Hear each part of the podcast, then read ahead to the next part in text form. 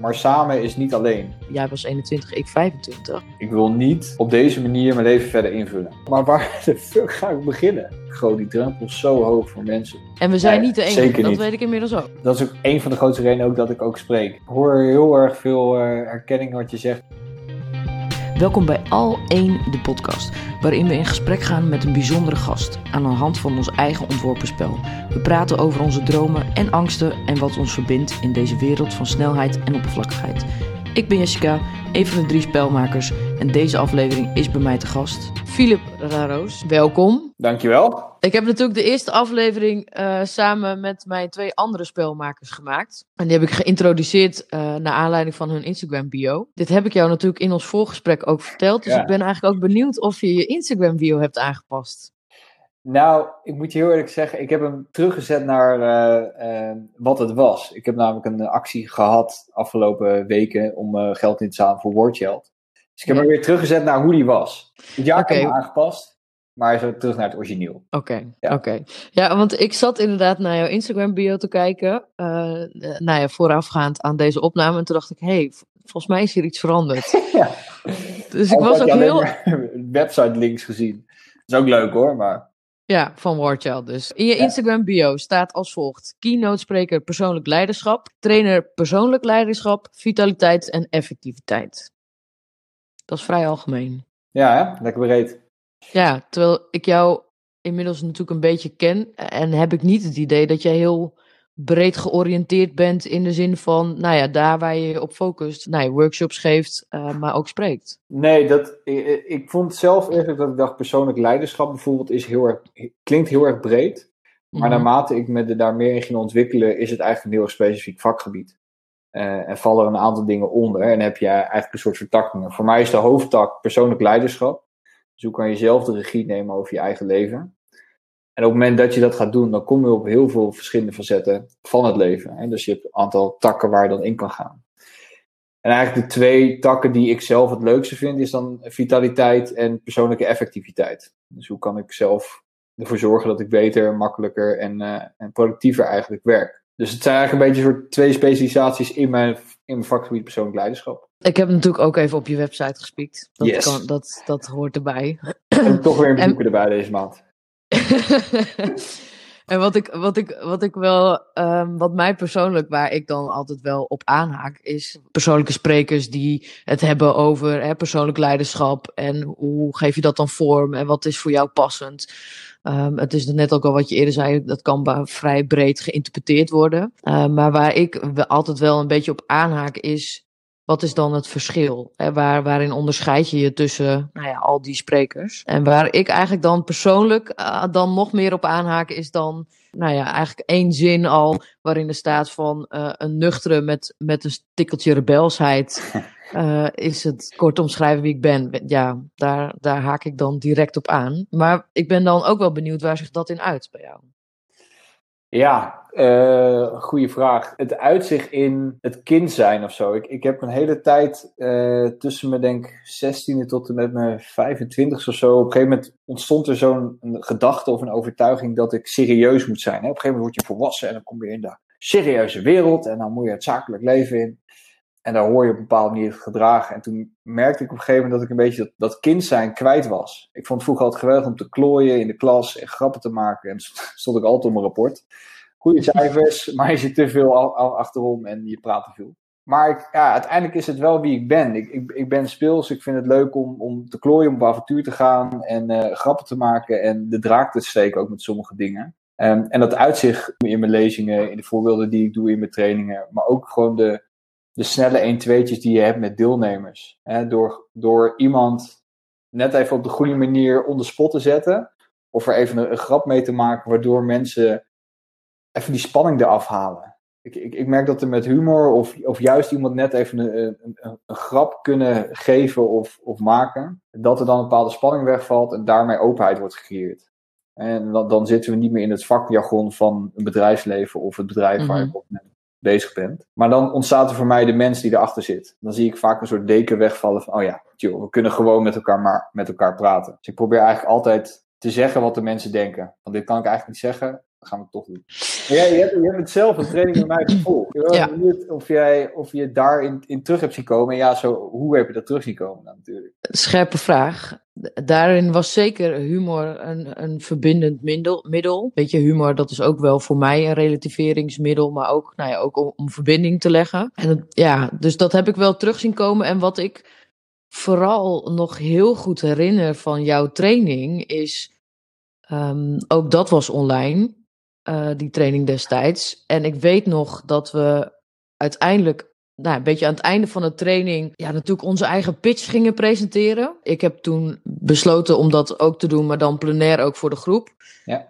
Eh, en ik weet nog dat ik me heel zenuwachtig voelde. En dat vond ik zo'n vreemd gegeven, omdat ik dacht, ja, ik zit hier letterlijk achter een laptop. Weet je, al deze veertien andere mensen zijn zoveel kilometers van mij verwijderd. Hoe kan ik me hier nou, hoe kan dan nou dat ik hier opeens me zenuwachtig voor voel? Maar het was niet een soort zenuwachtig als in, oh, ik kan dit niet of, of ik durf het niet. Maar meer een soort van gezonde zenuwen, zo van, oké, fuck it, ik ga dit doen.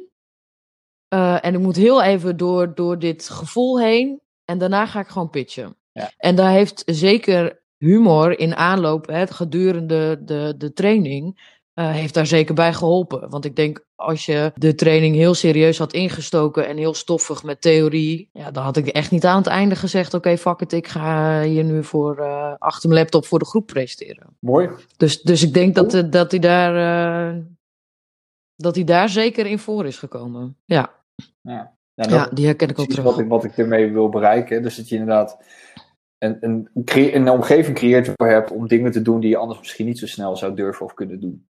Eh, het kan heel groot of heel klein zijn, maar eh, die openheid en verbinding te hebben en het vertrouwen om, om wel te willen gaan, eh, gaan werken of iets gaan doen. Vooraf voor de opname van deze podcast heb ik je natuurlijk gevraagd om de kaarten in te vullen. Ja, Dit doen we natuurlijk allemaal digitaal en op afstand. Voor deze opname heb ik natuurlijk e- heel even gespied. En toen zag ik dat ik met twee regels overal iets ingevuld heb. En jij met nou, zo- of 50 regels ongeveer. het boek, boek kan het voordeel of het nadeel zijn van het online invullen. Als je dit op een kaartje had moeten invullen, nou, ik geloof dat je dan wel pakketten nodig had gehad. dat denk ik ook, ja. Waar ik wel benieuwd naar ben, en ik denk ook vooral goed voor de luisteraar, is wie is Philip? Ja, ik heb wel even moeten nadenken over, voordat ik begon met schrijven, eh, wat mijn antwoord zou zijn op dat kaartje. Want op het moment dat iemand aan mij vraagt, ja, wie ben je? Wat ga je dan noemen? Ga je dan een, een functieomschrijving opnoemen? Ik ben spreker en trainer in mijn onderdeel. Ik heb een training gehad waarin ik een eh, soort contract heb opgesteld voor mezelf, hè, waarin je verklaart wie je bent in een aantal woorden. Eh, daar kwam bijvoorbeeld, ik ben een authentieke, moedige en eerlijke leider. Nou, ga, ga ik dat dan opschrijven? Of ga ik opschrijven waar ik woon? En uiteindelijk heb ik ervoor gekozen om een soort, ja, ik noem het zo een mission statement. eh, heb ik ook uit veel trainingen geleerd, eh, op te noemen. Hè? Dus eigenlijk meer waar sta ik voor? En daarin zeg ik, ja, ik, ik ben iemand die mensen inspireert, probeert te raken en te motiveren. eh, om daarmee anderen eh, te ontketenen eigenlijk. eh, dan wel van angst, maar ook om energie in mensen los te krijgen. En daarmee gewoon de leukste en beste en, en meest relaxte versie van jezelf te kunnen zijn. Ik denk dat dat is waarom ik hier ben en wie ik ben. Om, om die mensen daarmee te kunnen gaan raken en inspireren. Nou, ik kan misschien al uren doorgaan, maar dat, als ik heel, heel kort, voor mij heel kort moet houden, zou dat mijn antwoord zijn op wie ik ben. maar dan heb je het eigenlijk nog steeds over wat je doet.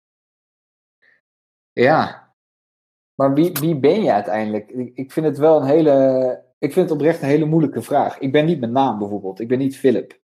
Dat, Nee. dat is gewoon, dat zijn een paar letters die mijn ouders bij elkaar hebben gezet en zeggen, ja, wees veel, alsjeblieft, Ja. Maar ik ben ook niet een spreker wat ik doe. Ja, ik denk dat wat het dichtst bij komt is dan misschien toch wel, ik ben een authentieke, moedige en, en eerlijke leider. Dat dat contract wat ik in die, in die training een keer heb gemaakt, dat dat wel het dichtst bij komt bij wat mijn DNA is en wat voortvloeit naar alles wat ik doe. Ik vind authentiek vind ik heel belangrijk. Dat zit een beetje in dat, in dat speelse behouden. Mhm. Hè, dus dat ik, dat ik mijn kind zijn behoud, maar dat ik ook mijn openheid en mijn, en mijn onbevangenheid hou. Eh, moedig ben in de zin van dat ik daar durf te gaan lopen of te gaan werken of te gaan doen waar anderen misschien niet zo snel naartoe zouden durven of willen gaan. En dat ik Mhm. stappen zet waarvan ik denk, ik, ik weet niet of ik dit durf, maar ik ga het toch doen. En eerlijk naar mezelf. En eerlijk naar anderen of ik eh, werk ga doen wat, wat echt voor de ander waarde heeft, of dat ik werk ga doen waarvan ik denk, dit moet maar voor de maatschappij. Dus misschien is dat wel wat het dichtst bij komt. En leider in de zin van, ik, ik wil andere, ik wil zelf leren, maar ook andere mensen leren hoe dat kunnen doen. Ja, ik, moet, ik vind het altijd een beetje een lastig dilemma, omdat weet je, als je op social media kijkt, dan, dan word je er, als je er goed naar zoekt, nog net niet mee uh, kapot gegooid over wees de leukste versie van jezelf en leren beter het leven in te richten. En nou ja, je, je, je zal het ongetwijfeld zelf ook herkennen. Zeker.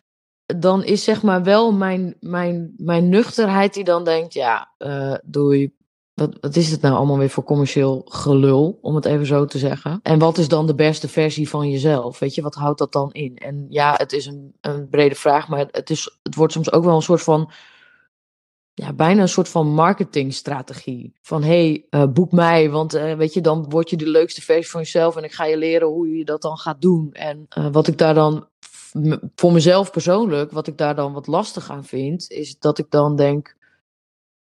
Waarom streven wij als maatschappij zijn er zo hierop af? Weet je, waarom moeten wij altijd authentiek zijn of altijd uniek zijn of altijd onderscheidend of de beste versie? Weet je, Waarom kunnen we niet gewoon zijn wie we zijn en daar content mee zijn? Ja, een hele goede vraag. Um, en ik, ik, kan me heel erg vinden in, wat je zegt. Ik weet niet of trouwens mijn antwoord hierop wil, uh, wil hebben hoe ik daarover denk hoor. Ja, dat wil ik ja, zeker. nee, ik vind, het, ik vind het grappig wat je zegt, want ik kan me er heel erg in vinden. Ik eh, krijg er ook een beetje allergie van de beste versie van jezelf te zijn. Alleen voor mij is de beste en de leukste versie van jezelf zijn is, is denk ik iets anders dan dat je zou zien op een, uh, op een post. En dus als je een, een social media post of iets ziet. Wat het voor mij eigenlijk betekent, is gewoon puur gewoon, jezelf zijn. Als, als jij de hele dag door gras wil maaien, ergens in de natuur wil zijn en daar lekker relaxed op je plek wil zijn, dan is dat jouw leukste en meest relaxte versie. Als jij van je 16e tot je 65e of 67e of 70e dezelfde soort baan wil hebben en dezelfde soort bedrijf en dezelfde soort sector wil gaan doen en je wordt daar gelukkig van, ga doen. Als jij huisvader wilt worden en je vrouw heeft een carrière of andersom, ga dat gewoon doen. Dat maakt voor mij niet zo heel veel uit. Maar ik sta er wel voor, is dat je er wel naar gaat handelen. Dus dat je wel gaat handelen naar wat jij wil gaan doen. En dat je niet een opgelegde lat vanuit de maatschappij of een opgelegde overtuiging vanuit de maatschappij gaat nastreven om er aan het einde van je leven of er achter te komen, had ik maar. Vaak wordt inderdaad snel gekeken naar de beste moet altijd meer en meer.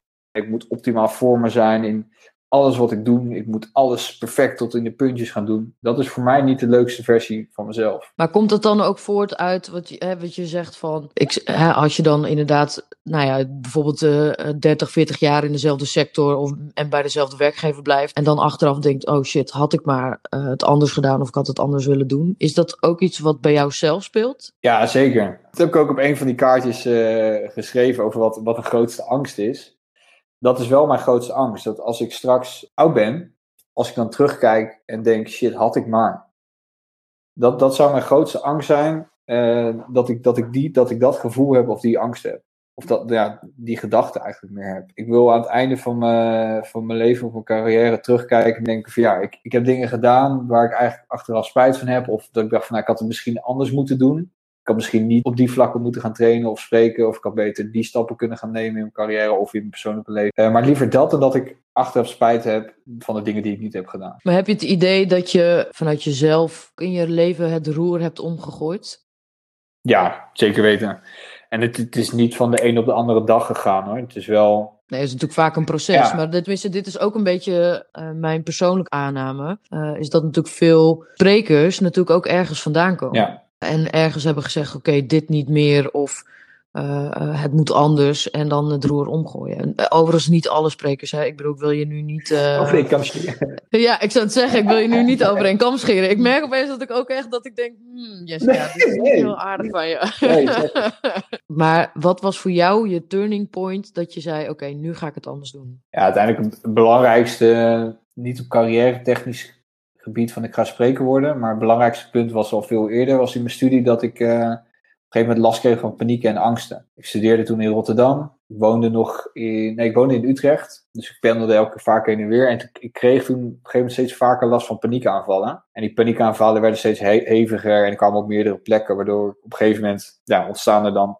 angsten voor die plekken. Want ik wist als ik naar die trein ging of naar die collegezaal, dan zou ik die paniekaanval krijgen.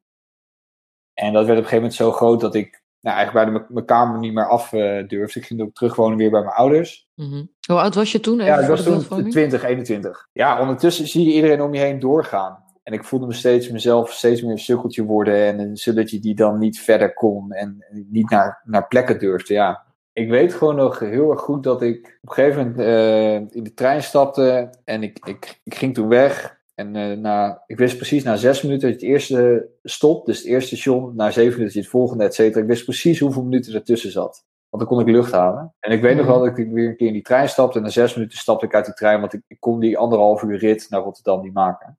En toen dacht ik van ja, shit, ik, ik wil dit niet, ik kan dit niet. Ik, ik wil niet op deze manier mijn leven verder invullen. Dit soort dingen moeten ontwijken of wat dan ook. Toen kwam mijn moeder met een programma van een uh, Belgische, uh, Belgische man. En waar ik om leerde gaan met paniekaanvallen en angsten. Maar het mhm. moment in die treinen weet ik nog echt wel heel goed dat ik daar zat. En ik dacht, ja, wat ben ik nou aan het doen? Wat, wat is dit nou? Ik ben, ik ben hier zo klaar mee.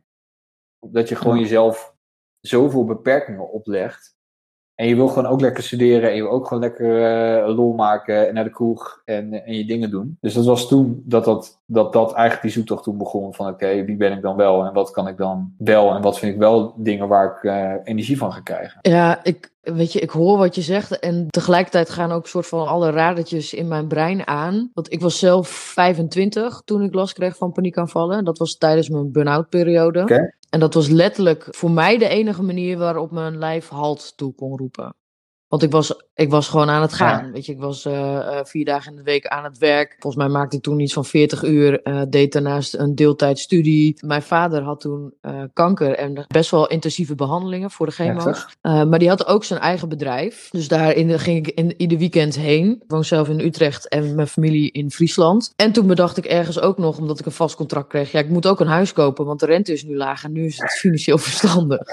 Dus zo stoomde ik helemaal door. Dit was de enige manier om mij te stoppen. Ja. Want ik was gewoon echt soort van als een intercity aan het gaan, als we het over treinen hebben. En ik denk ergens ook wel, omdat je haalde net ook al aan, van mijn grootste angsten is, goh, had ik het maar anders gedaan? Of um, zoals je hebt opgeschreven, om alleen te eindigen. Ja. En in de vorige podcast benoemde ik dit precies. En dan wel gekoppeld aan de liefde. Dat ik dacht, nou weet je, ik ga geen grote liefde meer kennen. Maar er zit natuurlijk ook onderliggend alleen zijn ja. Onder. En ergens zit ik nu zo hard op te denken. Is het ook niet dat door dat soort ervaringen, zeg maar, wetende hoe ja, beperkend het kan zijn en ook hoe klein je leven kan worden, dat dat ergens ook altijd een soort van een onbewuste en misschien ook bewuste angst is. Dat je in ieder geval niet meer terug daarna wilt, maar ook bang bent dat, het, dat je uiteindelijk weer in zo'n periode komt en dat het dan ook echt niet meer ja. stopt. Ja, wauw. Ik, ik, ik heb dat nog nooit zo bekeken. Maar dat zou zeker een, een drijvende veer voor mij kunnen zijn. Of een drijvende, is een drijvende veer? voor de Intercity wel graag. Nee, dat, dat zou zeker een, een drijfveer zijn die mij elke dag stuurt om uh, meer te handelen naar wat me drijft. Hè? Dus naar mijn hart en naar mijn spreken en naar passie. Want ja. inderdaad, dat wil ik nooit meer. Ik was omringd door mensen maar samen is niet alleen. Is niet in verbinding, zeg maar. En uh, nee. ook al ben je met mensen, je kan met allen zijn, maar je, bent, je kan uiteindelijk ook alleen zijn als je met iedereen bent. En dat voel je op dat moment. En dat heb ik, dat heb ik zelf gecreëerd. Omdat je zelf overtuigingen hebt waarin wat, wat zegt van ik mag het niet delen, het is raar dat ik bang ben ergens. Um, ja. En dat wil, ik, dat wil ik inderdaad niet meer. En dat drijft mij elke dag om inderdaad ook open te zijn en eerlijk te zijn over wat er in me omgaat. als ik iets lastig vind, dat je, dat je het ook kan delen. Uh, en dat je mensen om je heen gaat verzamelen om je te helpen. En dat je het niet, letterlijk niet alleen hoeft te doen. Want die overtuiging had ik toen wel. Dat ik dacht, ja, ik moet dit zelf oplossen. Mensen mogen eigenlijk niet weten van mij dat ik dit heb, want het is raar. Hè? Je, bent 20, 21, ja. uh, gas toe, uh, moet je gewoon doen. Dat, dat dacht ik allemaal. Maar uiteindelijk, ja, als je, als je zelf je openstelt en, en mensen om je heen gaat vragen, dan durf je daarin te gaan groeien. En Ja, ik denk zeker dat het, dat het een drijvende... Drijvende veer is. ik wilde zeggen een drijvende kracht is of drijfveer, ik kon kiezen. Nee, net wat ik ook eerder zei, ik zit daar dan in één keer zo over na te denken, dat ik in één keer dacht, ja, maar is dit ook gewoon niet waar het dan vandaan komt? Ik weet nog wel dat iemand in die periode tegen mij zei, ja, maar yes, een burn-out is uiteindelijk ook een zegen. Ja. Nou, en toen dacht ik echt, ik kan nu een heel scheldwoordenboek van A tot en met Z optoveren, maar dat was wel wat er in mijn hoofd gebeurde. Dat ik dacht, een zegen? Hoezo een zegen? Ik lig hier acht maanden op de bank te hyperventileren, weet je, ik krijg geen hap door mijn keel. Ik weet amper zelf wat er met mezelf gebeurt. Ik ben blij dat ik van bed naar bank kom. En ben blij als ik de dag heb overleefd, weer mag slapen en weet je, maar ook met de wetenschap morgen weer heen. Hoezo is dit een zegen? Nu moet ik wel zeggen dat ik daar iets milder naar terugkijk. Maar een zegen vind ik ook een groot woord. Het is een ontzettende ja, leercurve die echt in uh, rap tempo uh, waar je doorheen gaat. Ook al zeg je ja, maar ja, je ligt er dan maanden, dus hoezo is dat een rap tempo? Nou, ik denk dat het intern voor jezelf om het een en ander op een rijtje te krijgen alsnog best een rap tempo is. Maar het is wel dat ik echt vanuit daar ook mezelf serieus heb genomen. Dat ik dacht, ja, weet je, nu heb je een soort van alle ballen die je voor je gevoel plichtmatig moet hoog houden, heb je hoog gehouden. En jij als steunpilaar bent omgevallen. Dan gaat er iets niet goed je, ziet, je ziet het teken komt, wordt dan heel erg tastbaar en heel erg voelbaar dat het niet goed gaat. En de pijn, pijn wordt dan zo groot dat je er eigenlijk niet omheen kan. En wat ze zeggen dan, ja, een burn-out, dat het is ook een opbouw van jaren. Dat is natuurlijk bij iedereen verschillend, maar meestal is het maanden a jaren. Als ik daar achteraf naar terugkijk, dat ik ook echt wel momenten kan uitpikken waarop ik bij mezelf heb gezegd, oké, nou, deze gooi ik uh, achter me op de vuilnisbelt. En weet je, dat zoek ik wel een keer uit als ik er de tijd voor heb. Dan ga ik nu niet mee aan de slag of, weet je, ik stoom even door. Want ik kan nu niet even op de pauze pauzeknop drukken. Plus, ik ben 25, hoezo moet ik op een pauzeknop nu indrukken? Weet je, dat doe ik wel als ik ergens 40 of 50 ben of zo. Voor. Ja, ben ik veel te jong voor. Uiteindelijk, tenminste bij mij was dat zo, in die periode kwamen al die brokstukken, die kwamen weer zo om mijn oren vliegen. Hé, hey, weet je nog toen je zei, nou nu heb ik niet, pam, hier komt hij. Dat vond ik echt heel erg confronterend. Hoe ben jij er uiteindelijk voor jezelf soort van opgekrabbeld? Want ook dat is natuurlijk een heel proces. Ja, ik, ik snap, ik hoor heel erg veel uh, erkenning wat je zegt over die dingen die weer terugkomen. Het, het blijft terugkomen totdat je ermee om leert gaan. Het leven, het leven blijft je zeg maar, de dingen geven totdat je snapt hoe het werkt. Dat, gevoel heb ik ook. Uh, soms zeggen ze ook wel eens met geld. Hè? Als, je, als je niet weet hoe je een euro kan managen, kan je ook geen miljoen managen. Dus leer eerst dat managen en dan pas kan je miljonair worden. Als je het even in, in tastbare dingen wil omzetten. Nu snap ik gelijk waarom ik nog geen miljonair ben. Leer maar 100 euro. uh, Maar ja, hoe ben ik daar bovenop gekomen? En dat is, dat is dus ook door dagelijks wekelijks, maandelijks, op jaarbasis uh, aan mezelf te gaan werken op de aspecten die er te verbeteren vielen. dus het ging om dat ik eerst inzicht moet gaan krijgen in wat zijn mijn overtuigingen, wat denk ik wat mijn waarheid is. Je creëert op een mhm. gegeven moment je eigen waarheid van heel heel tastbaar voor mij was dat als ik de trein ga, krijg ik een paniekaanval. Als ik college zou, krijg ik een paniekaanval uh, in het restaurant. Dan moet je eerst gaan achterhalen van wat is daar dan precies je waarheid. En dan wat erachter zit, is dat je een waarheid hebt van mensen verwachten dit van me. Uh, dit is wat ik waarschijnlijk moet gaan doen. Ik moet in bedrijfsleven gaan werken, want iedereen in mijn omgeving doet dat ongeveer. Dus je gaat een beetje je blueprint ontwikkeld in de jaren daarvoor. Ga je eens een beetje, ja, maar tarten ga je een beetje even checken of ja, is dit wel mijn waarheid? En vanuit daar ga je kijken van oké, kan ik dan opnieuw invulling gaan geven aan wat voor mij mijn waarheid is? Wat, wat ik belangrijk vind, wat, waar mijn passie ligt, waar mijn drijfveren liggen, waar mijn talent liggen. Maar ik ben ook veel op het gebied van vitaliteit gaan doen. Dus ik ben anders gaan eten. Uh, anders met mijn sport omgaan. Ik ben uh, meer gebruik gaan maken van uh, visualisatieoefeningen, bijvoorbeeld leven in te beelden voor hoe ik wel zou willen dat het werkte. Ik ben training gaan volgen, ik ben boeken gaan lezen, ik ben in gesprek gegaan met andere mensen om gewoon mijn zoektocht in te zetten. In mijn ogen start het nooit, maar gewoon een, een, een andere bril op te zetten waar ik eerst dacht in dit is wie ik ben en zo moet ik de rest van mijn leven zijn. Zet ik de andere bril op van oké, ik heb nog wat werk te behalen om terug op mijn eigen koers te komen, maar wat is die koers dan? Ik weet niet, ik, ik heb eh, van uh, vage rituelen in het bos tot aan... Uh, ik zou het zeggen, ik heb er nu direct beeld bij. nee, tot aan gewoon een disk of insights profielen invullen bij een bedrijf waar je dan voor jezelf weet wat je voorkeurstel is. Maar hoe breder het spectrum in, op zoek gaan naar nou, wat, je, wat je zelf wil, wat je zelf kan, brengt je dichterbij, in mijn ogen, leiderschap. Omdat je, als je weet en weet wat je kan, kan je dat op een gegeven moment ingezet in, nou, wat wil ik dan? Waar, waar wil ik naartoe gaan werken? En daar ben ik dagelijks nog mee bezig. Want als ik dat niet doe, Ik weet niet of het echt zo is, maar ik heb het gevoel dat, dat ons brein of zo is geprogrammeerd om jezelf naar die soort default mode die je dan hebt ontwikkeld in, in het begin van jezelf. Dat je brein is in mijn ogen ontwikkeld om jezelf zo min mogelijk schade aan te doen, dus maar zo klein mogelijk een soort van te leven, maar stiekem binnen. Maar zoveel mogelijk binnen te blijven en zo min mogelijk gevaren op. Dus ik heb het gevoel, als, als ik niet mezelf blijf stretchen, niet over, overstretchen, want dan zit je weer veel te veel in stress, maar niet mezelf blijf stretchen, dan gaat mm dat brein langzaam een soort onkruid mij overnemen en weer zeggen van ja, veel, je kan maar beter niet naar buiten gaan. En ja, moet je dat nou wat doen? Weet je, dat verdwijnt nooit die stemmetjes verdwijnen ze maar nooit. Alleen de vraag is, welke stem maak je groter? En dat heb ik wel geleerd in al die jaren door gewoon de stem van wat mijn langetermijnvisie is en waarom ik hier ben en wat ik belangrijk vind te gaan volgen. En dan blijft er niet zoveel ruimte meer voor dat soort stemmen. Ik zeg niet dat het niet is, maar... Ik merk dat vooral fysiek, uh, in de zin van dat, weet je, dan krijg ik van die vage buikklachten en dan een soort van kokhalsneiging ja. krijg. ja, zal ik even voordoen hoe het gaat, Filip? Ja. Ik heb er wel een idee bij. is de podcast. Maar eh, zeg maar gewoon allemaal van die vage klachten ja, die niet makkelijk te plaatsen zijn.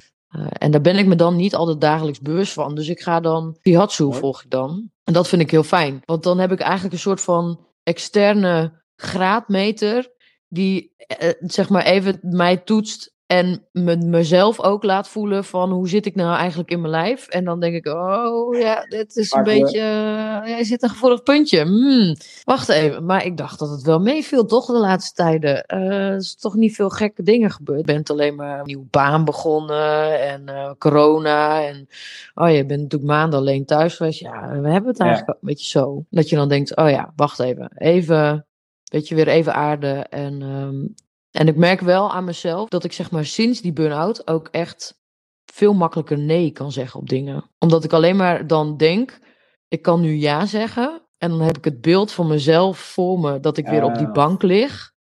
En dan denk ik, ha, nee. En dan zal het me echt een worst wezen waar ik dan nee tegen zeg. Het maakt me geen reet uit. Als ik er niet de energie voor heb, uh, of gewoon niet wil gaan omdat ik het niet leuk vind, dan ah. ga ik gewoon niet. Dan kun je echt hoog of laag springen. Maar dat is echt voor mij een wezenlijk verschil geweest. Mooi, dus je ziet eigenlijk al heel snel de consequenties in van het ja zeggen. Dus als je nu ja zegt, wat daarvan de consequenties van gaan worden, dat je jezelf nou, of weer overmoeit of misschien wel weer richting burn-out uh, zo werkt. Ja, en ik denk ergens ook, hè, dat, daar waar ik natuurlijk eerder ook al zei, is dat je natuurlijk ook zegt van dat misschien onbewust of bewust ook wel een drijfveer is. Dus dat je niet wil naar dat soort situaties, daar wil je gewoon niet meer naar terug. En iedereen geeft daar natuurlijk een andere ja, uitwerking slash vorm aan. Maar ik vraag me ook wel dus af, maar goed, ik geloof dat we daar ook heel lang over kunnen praten van, goh, wat maakt nou dat we dan als maatschappij zijnde zo makkelijk en vooral zo vroeg in onze leeftijd, want weet je, jij was 21, ik 25,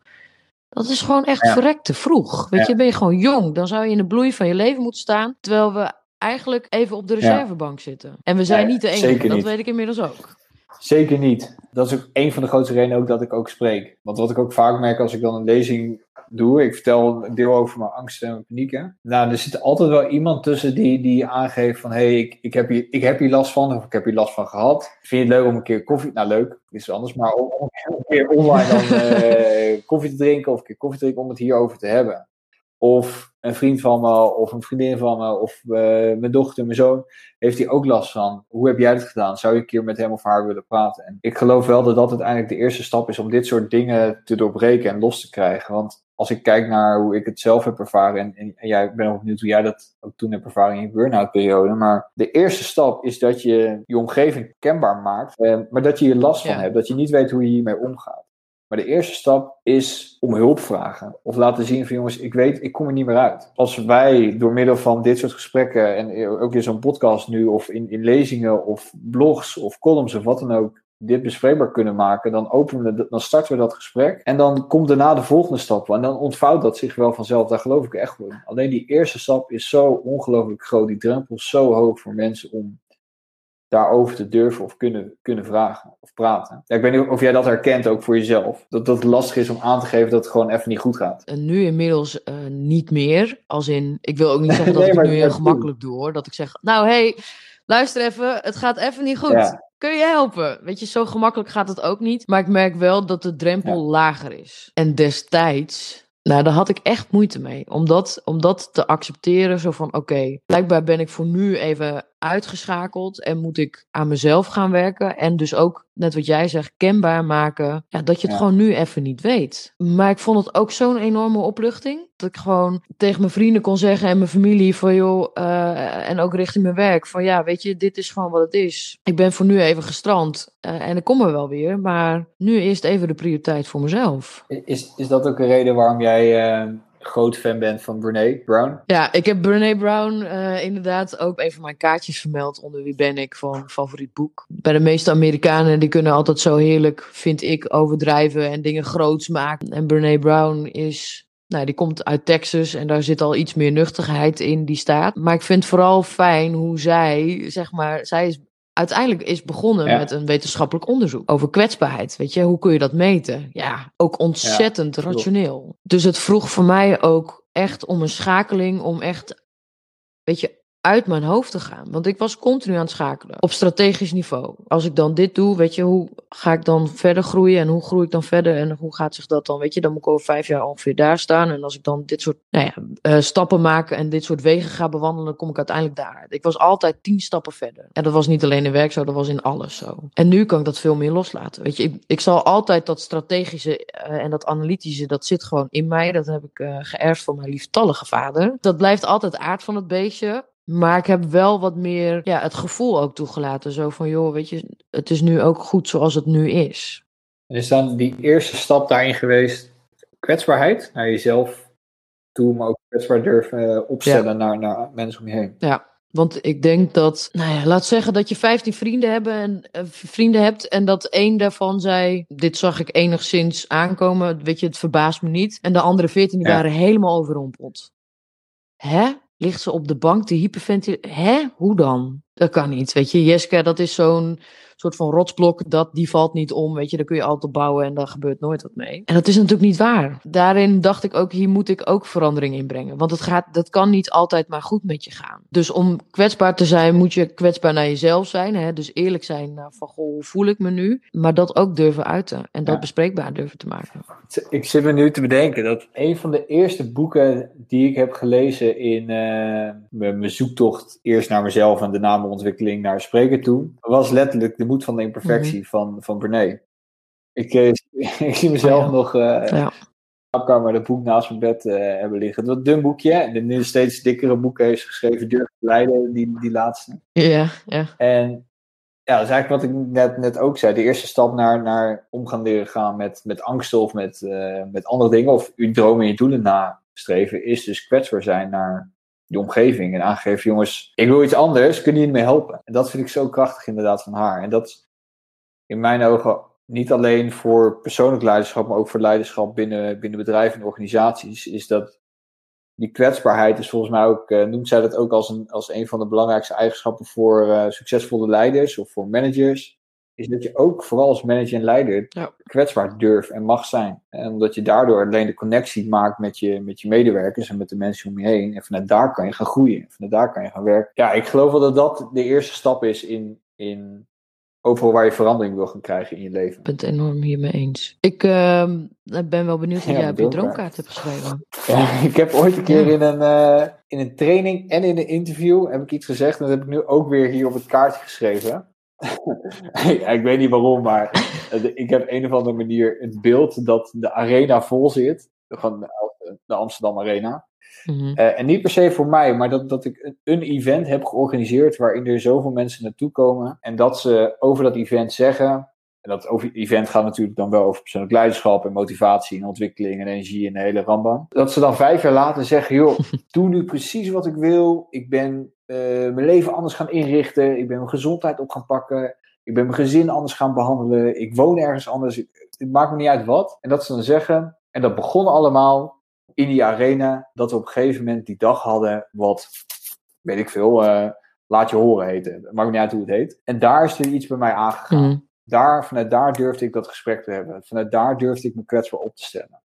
En daarin hoop ik En of het nou begin of het midden of, of ergens in die reis is, maakt me niet zo uit. Maar daar hoop ik wel mensen een stukje op die koers te mogen helpen. Misschien nu hun koers 1 graden te wijzigen, waardoor ze uiteindelijk misschien wel 360 graden ergens anders uitkomen. Ja, het gaat natuurlijk ook enorm over impact maken. En, en wat wil ik zeggen, ik hoef het zelf niet te zijn. Als er maar een, een, iets is wat het faciliteert om die impact te kunnen maken. Of om mensen wakker te kunnen maken en wakker te schudden van hé hey jongens, morgen ja, is morgen, maar nu is het leven. Nu, nu moet je beslissingen maken om morgen iets anders te kunnen gaan doen. Dus maak nu die beslissing om morgen je werk anders in te vullen. Maak nu die beslissing om morgen je gezondheid anders in te vullen. Ik zie helemaal, ik begin helemaal te lachen. Ik ben benieuwd hoe je hier zo gaat reageren. Ja, impact maken, verschil maken. Eh, en wat ik zeg, niet, niet voor mij, maar gewoon voor, voor iedereen. Ik geloof in als we daar allemaal in bij kunnen dragen, dat we elkaar als team weer verder brengen. Maar gewoon ja, lachen man. Ik las dit natuurlijk. Weet je, en al één is ook gewoon. Het gaat ook gewoon over impact maken. En ik ben ook wel een beetje de grootste drenker van de drie. Dat zie je bijvoorbeeld in toen we het kick-off event gingen organiseren. Toen heb ik letterlijk, dat was toen al in, uh, in. Toen zaten we nog in lockdown. In de intelligente lockdown begin dit jaar. En toen heb ik letterlijk Tivoli Vredenburg ja. opgebeld. Want ik dacht, ja, dat is toch leeg. ik dacht, nee, heb ik ja kan krijgen. Dus toen heb ik gezegd, nou, weet je, luister, we hebben een tof event. Mag dat bij jullie? Dus als je zeg maar dit omschrijft. Ja, ik zie dan, ik ga hier gelijk gelijk op aan. Ik zie hier al dat ik denk,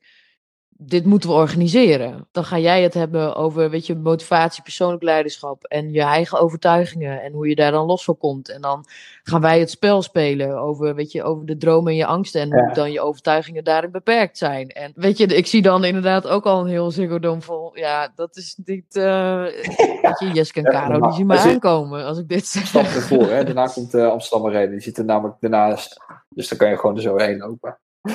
ja, precies. Ja, je moet ergens beginnen. je zit ook, kijk, je gaat er gelijk op aan, maar je zal hem ook wel herkennen. Je zit ook een hele grote valko in. Dat continu bezig met het, het, grote plaatje, waardoor ik soms ja, verlies wat ik hier vandaag in de dag in het kleine doe. En dat is ook wel wat ik ook opschreef in, in mijn dromen, is gewoon hoe mijn dagelijks leven eruit ziet. Als in dat je gewoon een, een, plek hebt waarin je met je gezin de tijd en ruimte en verbinding maakt om gewoon in het nu te leven. En voor je gezin en mocht het ooit zo zijn, kinderen uh, en familie en vrienden die ik nu heb en uh, alles wat daar, daarbij komt of, of gaat. Maar niet alleen maar in het grootste verder impact maken, maar juist ook in het kleine. In hoe ga je aandacht geven voor je, voor je gezin, voor je partner, voor je familie, voor je vrienden. En hoe creëer je een plek waarin je dat kan gaan hebben. Dat is ook al mijn droom om daar mee bezig te blijven. Want ik ben er dagelijks zo mee bezig om, dat, om die verbinding te hebben met mijn familie maar de, en, en, vrienden en met mijn partner. Maar ik zal altijd bezig blijven met hoe kan ik ervoor zorgen dat ik een plek heb waar, waarin de omstandigheden dat blijven ondersteunen. Want dat, dat is denk ik een continu proces. En het droom klinkt altijd als pas over tien jaar of zo.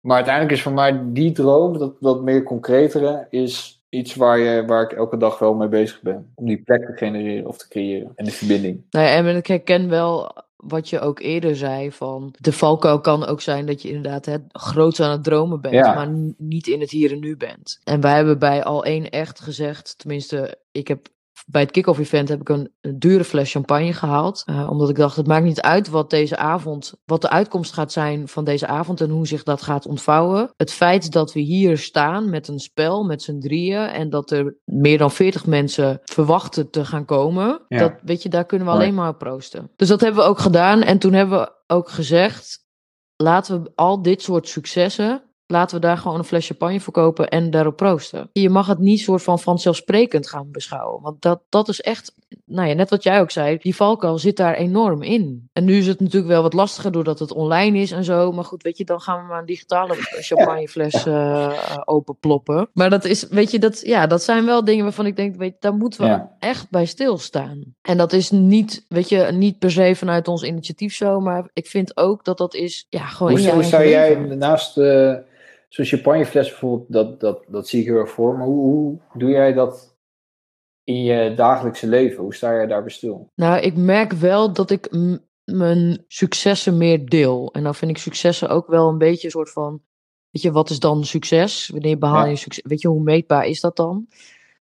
Um, maar de dingen waar ik blij van word, energie van krijg of trots op ben, ik merk wel dat ik dat steeds meer deel. En dat ik mezelf er ook op betrap dat ik dat steeds meer doe. Dus dat ik gewoon, ja, dat ik echt denk, ik ben bijna aan het oversharen hier.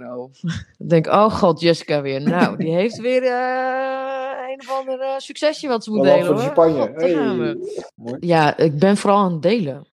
En dan is het gewoon letterlijk het verhaal delen wat ik dan heb meegemaakt. En waarvan ik dan dat in alle enthousiasme vertel. En dat een ander dan zegt, hé, hey, wat gaaf, of wat tof, of wat leuk. Of nou ja, wat de reactie dan ook mag zijn. En dat ik denk, ja, ja. Zo, ja, ik ben eigenlijk best wel trots op mezelf. Vind je dat lastig, trots zijn op jezelf? Vond ik lastig. Ik denk dat iedereen zijn of haar definitie heeft van wanneer je trots bent. Als je dat vijf jaar geleden aan me had gevraagd, dan uh, had ik een hele lange ladder uh, aan je voorgelegd. Zo van nou daar ergens bovenaan, hoog in de top. Ja. Als ik dat behaal, dan ben ik trots. Terwijl het gaat eigenlijk om al die minuscule stapjes die je maakt. Uh, wat uiteindelijk hoog aan de ladder, waar je dan terecht gaat komen. Dat maakt het verschil, vind ik. En je kan niet zeggen van nou, ik ben pas trots als ik al die 10.000 tussenstapjes heb gemaakt. En als ik dan eh, daar bovenin ben, dan heb ik het gehaald, dan pas mag ik trots zijn. Nee, het zijn juist die 10.000 tussenstapjes die het maken dat je nou ja, daar uiteindelijk komt. Daar wilde ik het ook echt nog wel even met je over hebben. Want en we hebben het natuurlijk over persoonlijk leiderschap en ook over motivatie. Wat ik zelf heel erg merk in ja, de tijden waar we nu in zitten. Ik voel me lam geslagen, maar dat heeft vooral te maken met... Weet je, de ene moment dan mogen we weer van alles en het andere moment we niet. En dan weet je, dan denk je, ja,